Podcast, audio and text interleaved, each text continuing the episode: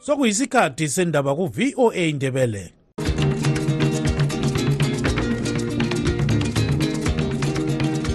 amatshono zihlobo siyalamukela kuhlelo lwethu lwezindaba eziphathelane lezimbabwe. Kustudio 7 eya voice of america sisakaza sisewashington dc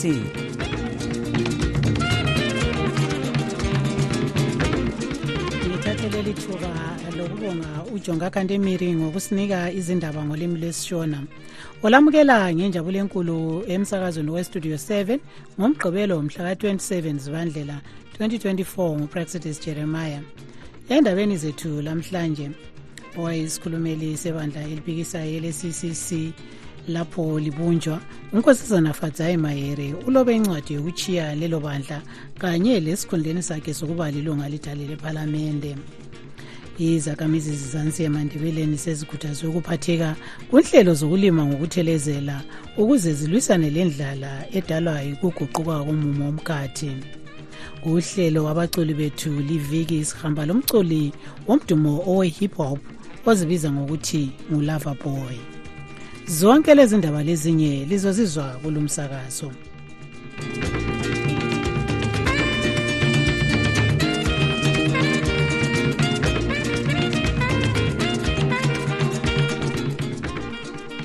Wayeyisikhulumeli sebandla eliphikisayo ele-triple c lapho libunjwa unkosazana fadzayi mayere ulobe incwadi esazisa ukubana usechiya lelo bandla kanye lesikhundleni sokuba lilunga lidale lephalamende umayere uthe uthethe leli nyathelo elandela okwenziwe ngobe ngumkhokheli we-ccc umnumzana nelson chamisa okhalale leli bandla alibumbayo ngomnyaka ka-2022 esithi selingenwe impehlane yezanup f. Wathi elibumba besuka kwe-mdc alliance wahle wazisa ukubana izikhundla ezazikhona kaziseyi kusebenza ebandleni elitsha ele-ccc waba lezikhundla ezintathu kuphela esakhe esokukhokhela esesikhulumeli sebandla esanikwa umayere lesomsekeli wakhe umnumzana ostalos siziba. Wathi umayere esefuna ukuncintisa ukuba lilunga ledale lephalamende emela imount pleasant constituency eharare. Kulapho-ke wehla esikhundleni sokuba yisikhulumeli se-triple c sagcina sinikezwa umnumzana promise mkhonansi. umayere uthi i-triple c ayingenayo. Ngomnyaka 2022 ayisiyo le aseyichiya manje. Esithi ngoba le ekhona seyachukwa yavadlazwa nguhulumende esebenzisa abantu abanjengosengezo jabangu abavuka bezithi ngonobhala jikelele bebandla esikhundla esasingekho ebandleni. Ngakho-ke umayere uthi akasoze amelele ukuxotshiswa edale lephalamende ekubone kufanele ukuthi kungcono ukuthi ahle aziphumele. Uthi kodwa uzaqhubeka egqugquzela umbuso wentando kazulu ngazo zonke indlela. Lamlela ndwandwe lamlela ndwandwe lamlelwa msheshwe lamlela nampa bafowembula lamlela ndwandwe izakhamizi zezansi emandebeleni sezikhuthazwe ukuphatheka kunhlelo zokulima ngokuthelezela i-irrigation ukuze zilwisane lendlala edalwa yikuguquka komumo womkhathi. Isabelo sezansi emandebeleni sivele kasitholi izulu eliningi okudala ukubana izakhamizi zihlale zikhala ngendlala. Kunje kulabantu abangaba yizigidi phose ezintathu 2.7 million abadinga ukuphathiswa ngoncedo lokudla lonyaka elizweni lonke jikelele. Ualbert ncube usipha lolu daba ngokugcweleyo. Le nkuthazo iphume emkhosini okuphiwa kwabalimi balesisabelo izicoco lemvuzo yokulima kuhle esebasa irrigation scheme u-124 ekwanda south iningi lezakhamizi esabelweni sezansi semandebeleni liqale ukulima ngeviki edlulileyo ngenxa yokuphuza kwezulu kusewula ngalokho uzulu kulesi sabelo. Sekhuthazwe ukuthi aqine ngenhlelo zokulima ngokuthelezela ukuze athole isivuno esingcono. Ekhuluma emkhosini wayizolo oyenzelwe esebasa ekwanda south unkosikazi medlin magwenzi ongumqondisi wezokulima enkabazwe obemele unobhala omkhulu walolugatsha umnumzana obejiri uthi izakhamizi akusamelanga zithembele emanzini alethwa yikuna kwezulu umhlaba uyaguquka. Kunenge okutshintshileyo yi-climate change esikhuluma ngayo. Izulu izolo singabuza izinduna ziyalitshela ukuthi belisina ngo-oktoba belisina ngonovemba nxa liphuzile. Kodwa okwamanje lina ngojanuwari lilokupheleni kukadisemba yikho sokukhona. Sesikhuluma ngani kukuthi abantu sithi food security everywhere and every day? Kwenzakala sisenza indaba ethi irrigation. Sifuna ukuthelela ngoba sesibonile ukuthi ekutheleleni yikho kulempumela khona. Uqhubeke ethi izakhamizi kumele ziqakathekise umsebenzi wokulima bawuphathe njengebhizimusi farming as a business. Yikho esikufunayo. Kuphela ukuthi kusasa njengoba lilime kanje imali yenu esikhwameni umnumzana ndodana dlamini oyisiphathamandla sikahulumende uthi uzulu sekumele alime ngokuthelezela. Ukuze nqabele indlala lo nyaka siyezwa izazi zomkhathi bethi sihlaselwe yilokho okubizwa kuthiwa yi-el nino. Khanya izulu alikho liningi njengeminyakeni. So irrigation um yiyo ezasincedisa kakhulu ukuthi sibone ukuthi ukudla kuyatholakala. Umnumzana johnson mleya olilunga lohlelo lwekwalo irrigation scheme ebedbridge west uthi sebesizakale kakhulu ngenhlelo zokulima ngokuthelezela ngoba indawo yakibo ingatholi izulu eliningi. Kuyasincedisa kakhulu. Kasisamele lizulu njengalokhu kodwa sesilima singami. Ikakhulu ngalesi sikhathi kungela zulu ikakhulu ngalesi sikhathi nxa imisebenzi iswelakala ngoba sesivele sesiyamekho ngoku unkosikazi miriam clow olilunga lesebasa irrigation scheme enqobe kulo mncintiswano wezokulima esabelweni sezansi emandebeleni uthi bakhangelele isivuno esihle esivandeni sabo lapha silime ngendaba ye-el nino sisitakile sile-7 hectares yomumbu osuwomile then leyi indima yona it's 7.4 hectares. Kwamanje silime i-14.4 le-9.7 of which is 24.1 sikhangelele nje ukuthi singavuna 6 to 7 tons per acre yikho khona lokhu sibili siyazama ukuthi sithengise ezibathina lapha sile main challenge. Asikapenetrate kahle imarket. Izanuse zomumo omkhathi zithi isabelo sezansi emandebeleni sizathola izulu elilingeneyo. Okulapho kudala njalo enindlala ikwalo irrigation scheme ebedbridge ibe ngeyesibili kulo mncintiswano kwathi izulu be-irrigation scheme insiza yona yathatha isicoco sesithathu ngiyimele umsakazo westudio 7 ngisesibasa ekwanda south ngingu-albert ncube. Lamlela mshweshwe lamlela nampa bafowembula ngugama. Okwamanje-ke othi sizwe ukuthi usithandekile mhlanga westudio 7 usiphatheleni esigabeni lapho esikhangela okuphathelane lentuthuko yabesifazana.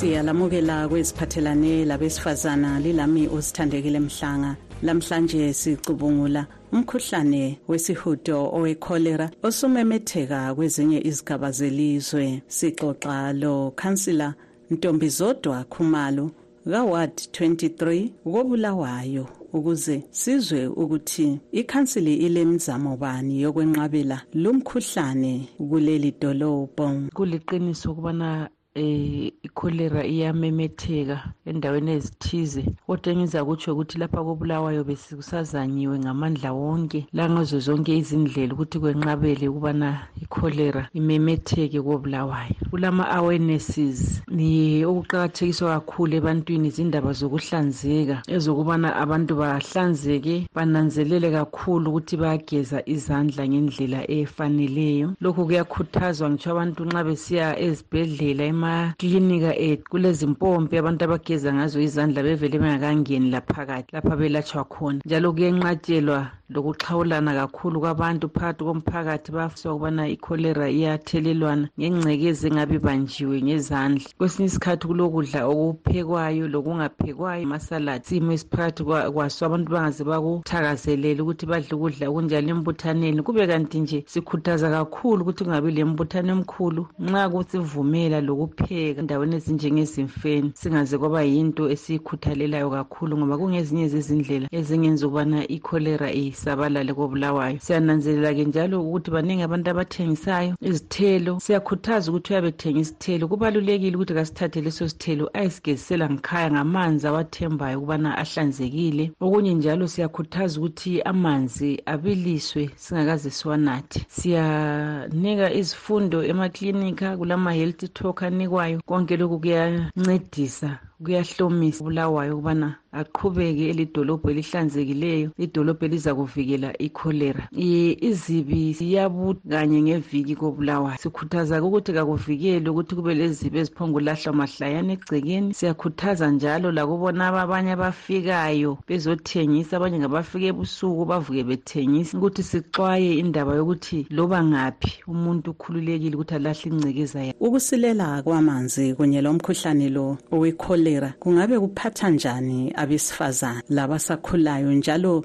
kulendlela abangasizakala ngazo na? Kuletha kuhlupho kibomama lamantombazana ngoba yibo abayabe befanele bawadinga amanzi. Lapho kuyabe kuhamba kusiyakhiwa khona amanzi njalo kufanele bebone ukuthi izindlu ziyahlanzeka izambuzi ziyahlanzeka. Lanxa kuyabe kusezimfane khathi esiningi kuyabe kukhangelela ukuthi yibo abafanele babone ukuthi amanzi ukuthi abantu bageze benze lokhu lalokhu akhona. Indlela ezenziwayo ezokuthi kuncediswe ngamabhawuza kulezo ndawo amanzi angasafinyeleli khona ngezi izimpompi ukubana ziwafikise amanzi njalo kuncediswe futhi ngamabhawuza ezindaweni lapho kuyabe kulezimfa khona ukuthi abantu benelise ukuthi bathole amanzi ikakhulu ngelanga lomngcwabo. Ye kulezinye njalo izindawo esezifakiwe amathenki okuthi kuthululele khona amanzi. Ye ngolimi lwenzini sithi ngama-water kios zindawo nje zokugcinela amanzi esigabeni lezi eziyabe zivele zingesela manzi afikayo. So njengedolobho lakobulawayo besikhangelela ukuthi lezi ndawo zande ezilalezi zigaba ezingaba leziphala zamanzi kodwa-ke njengobulawayo siyabe sidinga isandla esingasinceda ukuthi sibe sengezelele ezigabeni ezithize ezingafinyelelwa ngamanzi. Lawo matanka azagcina amanzi abe yisiphala samanzi azatholakala. Kube ngabe kutholakala ngithemba bekungaba ngezindawo ngezindawo sibe lawo ukwenzela ukuthi nxa amanzi engekho laba sebethe baphelelwa ngamanzi ngenxa yokusilela kwezinto zokugcina amanzi bayesila kuzona lezo zindawo ukuthi zithatha amanzi. Sidinga njalo futhi isandla esingasincedisa ukubana sibe lezibhorane futhi ezithize phezu kwalezi esilazo ngoba yizi izindlela ezingasincedisa nxa sikhangele umumo wamanzi esilawo emadamu okwakathesi. Kwabanye inhlanganiso ezizimele zodwa ukuthi basincedise ukubana sikungezelele khonokho kobulawayo ukuze senqabele umkhuhlane wekholera sethule njalo umthwalo yabunzima kakhulu ebantwini besifazana ekudingeni amanzi. Leyo bekuyingxoxo lo khansila ntombi zodwa khumalo kaward 23 kobulawayo ebesixoxa layo kuhlelo lwethu oluphathelane labesifazana asidibaneni njalo ngomgqibelo ozayo lizwe ukuthi siliphatheleni okutsha lilami usithandekile mhlanga ngikhonapha ewashington dc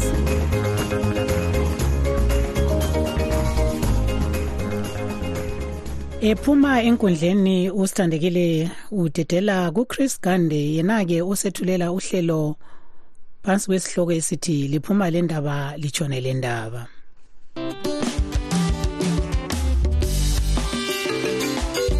Litshona njani? Izulu kandaba siyadibana njalo kuhlelo liphuma le ndaba litshone le ndaba. Igama lami nguchris dande.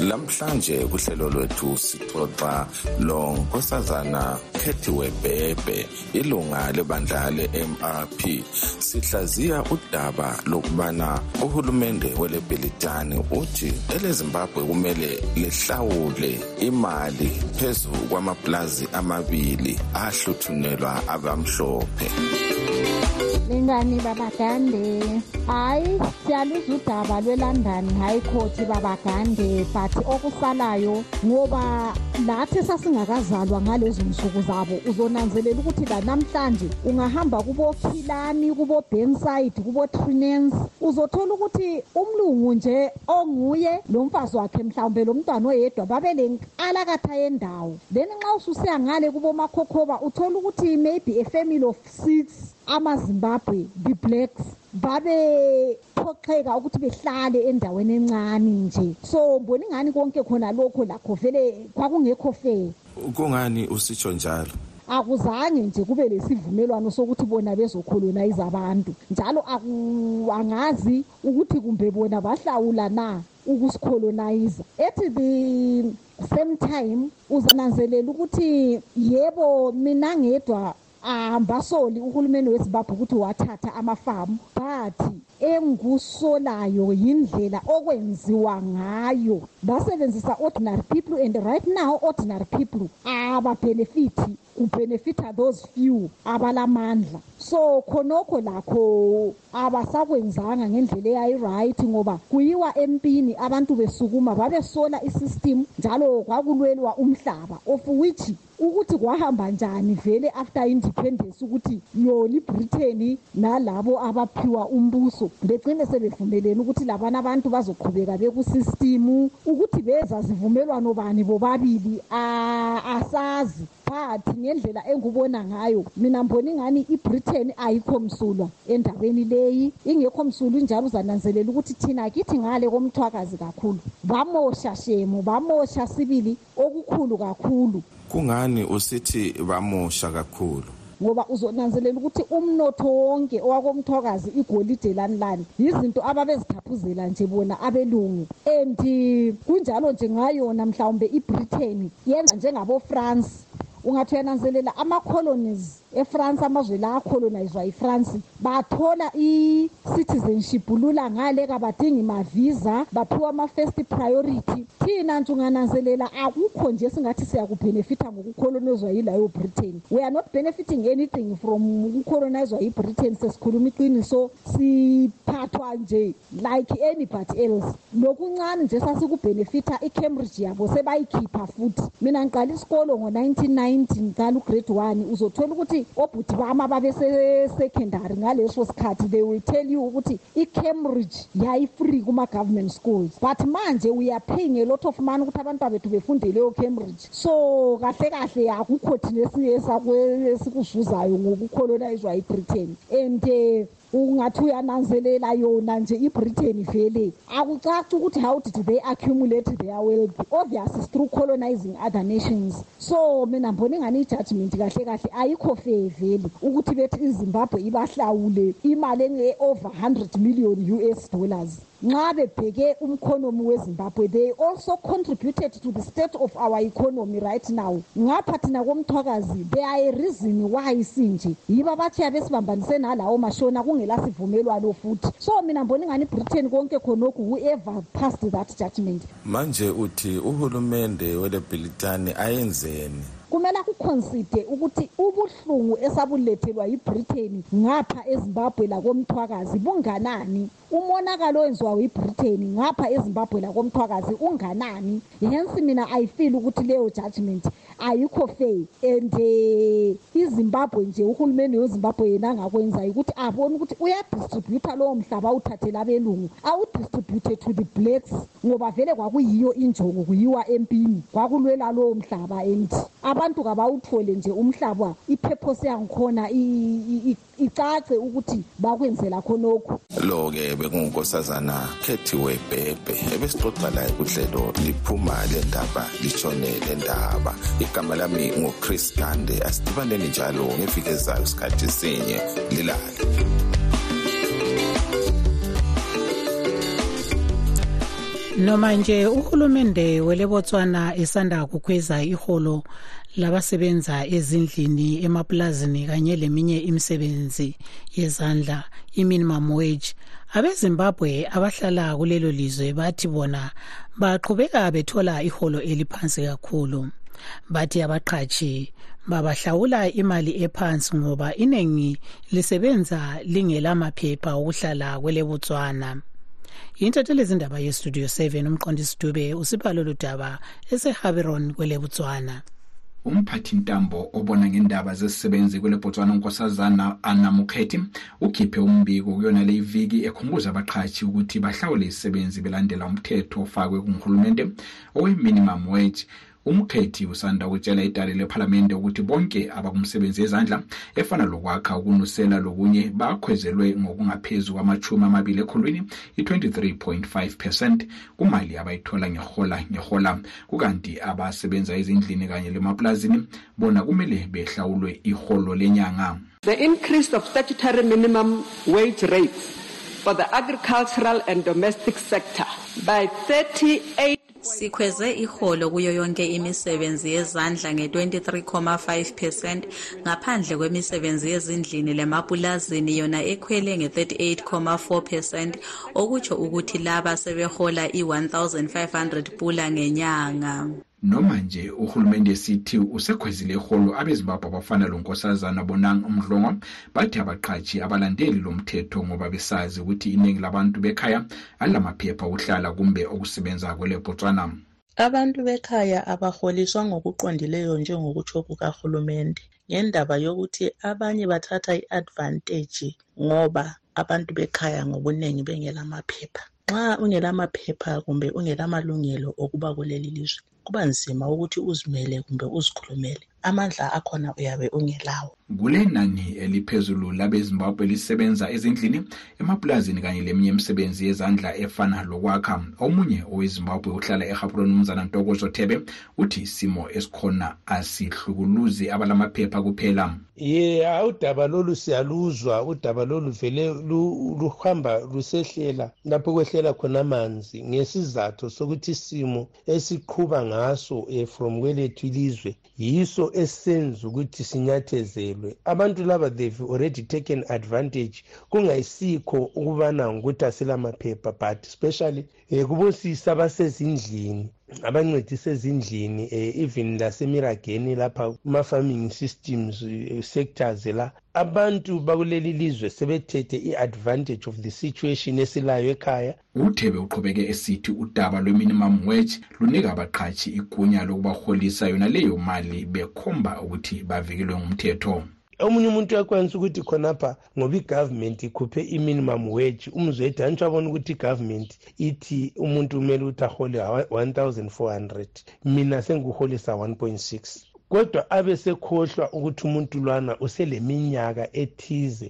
esebenza layo instead of calculating ipercentage ekhweziweyo akhwezela umuntu uyamthole selokhu ekhombela ukuthi mina vele sengi-above that a minimum wage ekahulumende. Of which sebethatha futhi le-advantage yokuthi abantu abavele ekhaya they are flowing in big numbers bezodinga um okokungabaphilisa umnumzana mkhululi moyo owenza umsebenzi wokucecisa ezivandeni utsho umbono wakhe phezu kwalolu daba. Uhulumende sezwa sibili lapho ebotswana ukuthi wakhweza imbadalo esingathi iholo labantu abasebenza ezindlini construction agriculture lakunjalo njalo i-minimum wage kuzindaba ezinhle kakhulu. Kodwa kuphinde kungantiwa kuba ngumnyama ikakhulu kithi. Abaningi lethu sisebenza kuphela silamaphepha aqondileyo.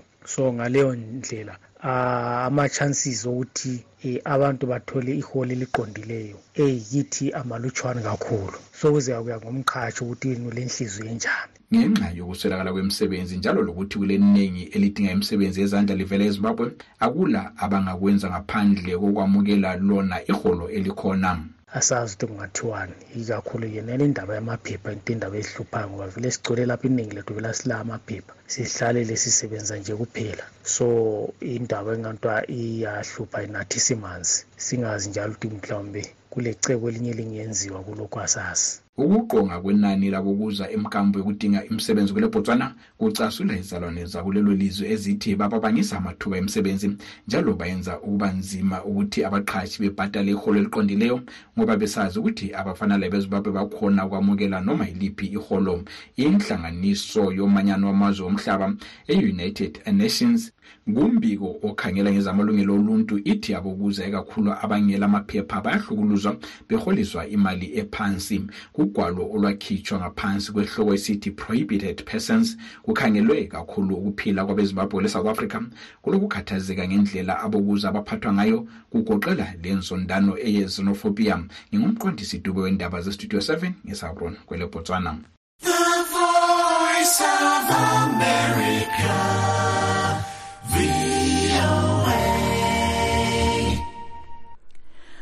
Kuhlelo abaculi bethu liviki sihamba lomculi womdumo owe-hip hop ozibiza ngegama lokuthi ngulava guy linsizwa idabuka esilobela kodwa isebenzela ikwele botswana nansi-ke ixoxa lontungameli nkomo westudio 7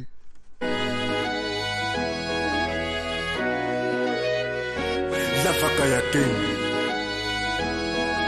Aha. It's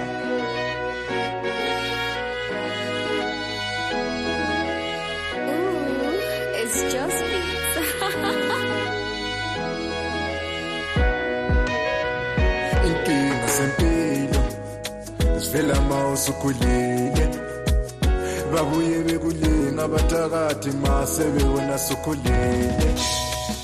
Inkinga zempilo ngokwegama lokuzalwa ngukutuli makhosana ngidabuka esilobela ngilaminyaka etheni ngisemculweni ngaqala ukurekhoda ngo-2022 ingoma yami ethi ukhumbulekile ngazorekhoda lezi ezinye um u-without you lenkinga zempilo lenxeba engilalo ngo-2023 so njengoba uthi ikhumbulekile engagcwalanga emphakathini ngayilethe nje thina ijoyine ezinye zaba ngu-four nika ingoma ezingu-four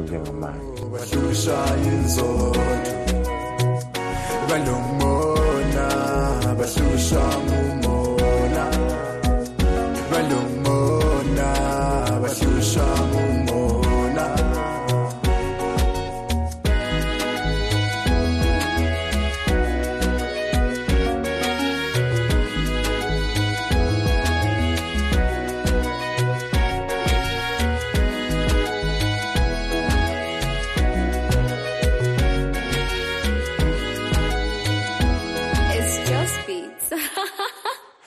emtakama ekuqaphansi ngale dolo impilo namuhla kasafani lasendula kusebenza emasiko sokudinga lona ukholo abangathanda ukuthenga umculo wakho kumbe ukuxhumana lawe bakuthola njani? Okwamanje ngisebotswana. Inombolo zami ngu-plus 267 72 63 3149 ubachiyela wapha amazwi abalandeli siyabonga kakhulu ngokuba khona kwabo empilweni zethu ngoba uma kungela abalandeli ngeke ube umculi uma kungela abalandeli uzoculela abantu. So baqakathekile kakhulu abalandeli ngithi behlale benjalo ngothando lwabo ngoba ngothando lwabo kukwenza ukuthi sikhuphuke emculweni ngiyabonga kakhulu. Ningalibali ukuthi ngingulava ka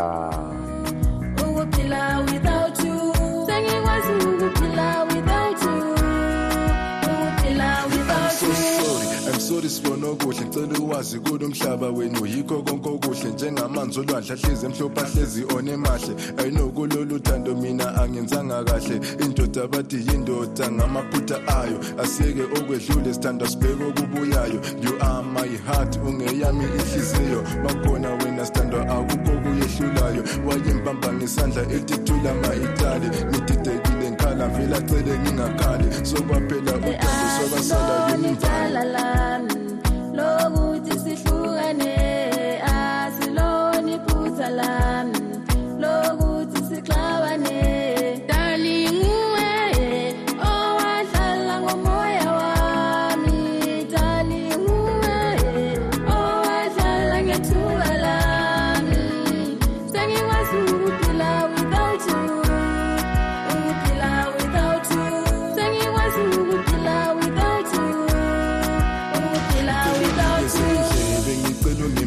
ungimamele sengubone ebuthongweni sengubona mangelele. Mangithi ngivala amehlo ubuso bakho buvele solokhe wahambayo mfana lobika ijele. Impilo ayihambi kahle sithandwa ma ufulathele khumbula lolu thando kwakungudilika jele. Hliziyo elothando kuyalokubana yonitele hlukana lawe sithando sami sengiyayisola. Inxeba lenhliziyo alisela kukuphola ngilethemba liwukhosisile umculo. Kalava guy uh, umculo wezothando. Ah isikhathi sethu asavuma ukuba siqhubekele phambili silokhu sisonke kulolu hlelo kodwa ke sizakwenza ukuthi sikhangele ezinye zezindaba ebezikhokhela izakhamizi zazansi emandebeleni sezikhuthaza ukuphatheka kunhlelo zokulima ngokuthelezela i-irrigation. Silugqiba-ke lapha uhlelo lwethu lwalamhlanje olivalelisayo ngupraxetes jeremiah.